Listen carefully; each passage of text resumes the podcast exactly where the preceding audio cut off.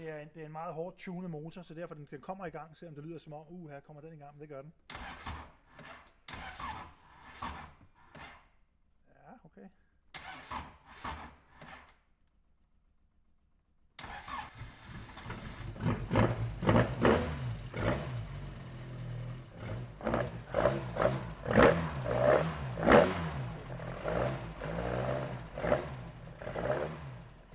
Min første bil overhovedet var en Fiat 600. Og jeg synes bare, det var en sjov bil. Min farfar har altid kørt Fiat, så derfor har altid været noget med Fiat i vores familie. Og, og så finder jeg så en lille Fiat 600 med sorte blader, øh, da jeg er 20 år gammel. Og den kører jeg øh, to studielån, 15.000 kroner, købte den her bil, og jeg elskede den øh, og lærte, det var den første, jeg skiftede udstødning på, og lærte tingene stille og roligt fra bunden af. Så nu er jeg gået fra at have en bil eller to af gangen til, at det er tæt på, at jeg har en lille samling, øh, og det har det sådan set helt fint med.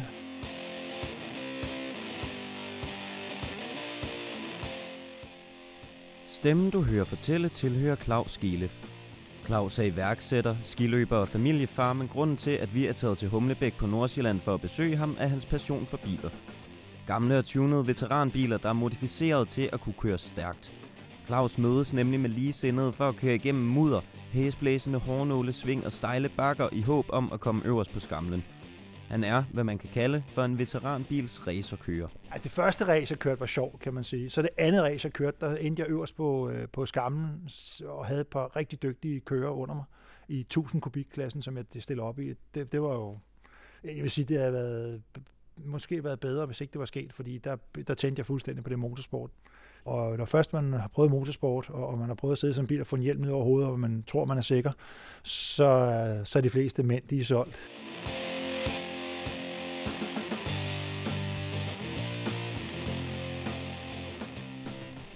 Øh, I Silkeborg kører vi et race hver eneste år, øh, som er en lille Mickey Mouse-bane inde bag ved, ved gågaden Silkeborg, ned mod søen, nede inde ved banken derinde. Og, og øh, der, da jeg skulle i mål, så tog jeg et skarpt sving, og der var jeg helt op, fuldstændig op, så at det var et spørgsmål, om vi skulle den ene vej eller den anden vej, og til alt held, så landede den ned på alle fire, men der er rigtig, rigtig, rigtig mange mennesker, øh, racerkører, der er havnet på, øh, på skjoldet i sådan en Fiat 600, for det er bare en lille væltebil.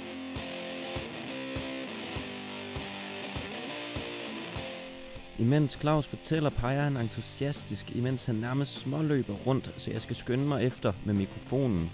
Vi har nemlig fået lov til at besøge ham på hjemmeadressen, hvor en tilstødende gammel fabrikshal agerer kombineret værksted og udstillingsvindue for hans imponerende samling af biler. Der lugter af olie, og det er nemt at forstå hvorfor, når man ser pletterne på det betongrå gulv. Flere af bilerne er halvt skilt ad, og det er tydeligt at høre på Claus, at han nok aldrig vil blive færdig med sin samling. Da jeg spørger, om vi må få en mere officiel rundvisning, når jeg næsten ikke har fået min mikrofon, før han starter. Det er min Fiat, jeg kører race i. Det er en Morgan Plus 4 for 56, jeg lige har købt her for en måneds tid siden. Uh, jeg skal huske at de nummerplader der, det har jeg glemt.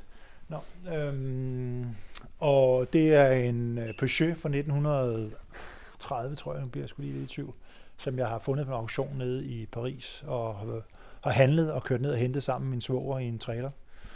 Øh, og det er bare det er nummeret før en hestevogn, det der, men, men den er bare lidt sjov. Øh, jeg tænker en dag, der er nogle af mine børn, der skal gifte sig eller et eller andet, så skal den være klar.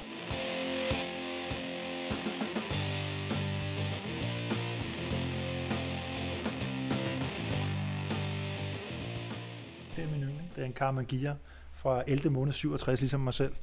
Og der er en, øh, der er en bådbygger, der har brugt 2.500 timer på at lave den.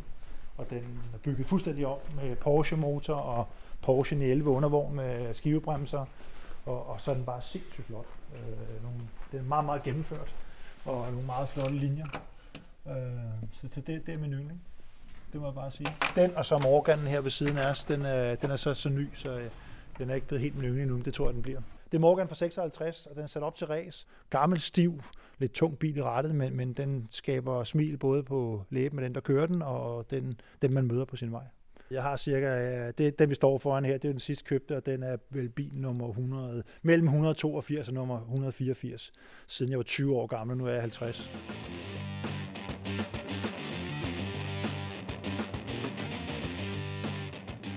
der er rigtig mange i den her verden, og i Danmark og alle mulige andre steder i verden, der har en bil eller to stående.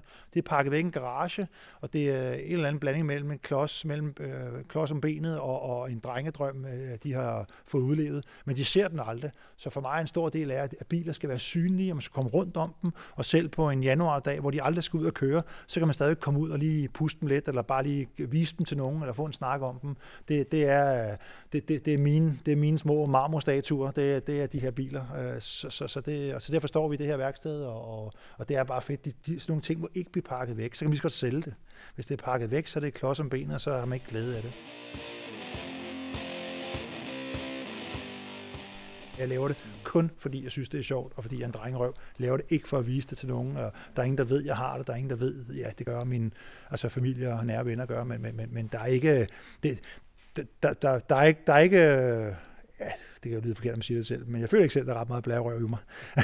det er ikke noget, jeg er ked af, men, men det er heller ikke noget, jeg går sådan og, og, og fører mig frem med. For det, der betyder noget for mig, det er min familie og, og, og, og, og, og øh, ja, kærligheden til mennesker.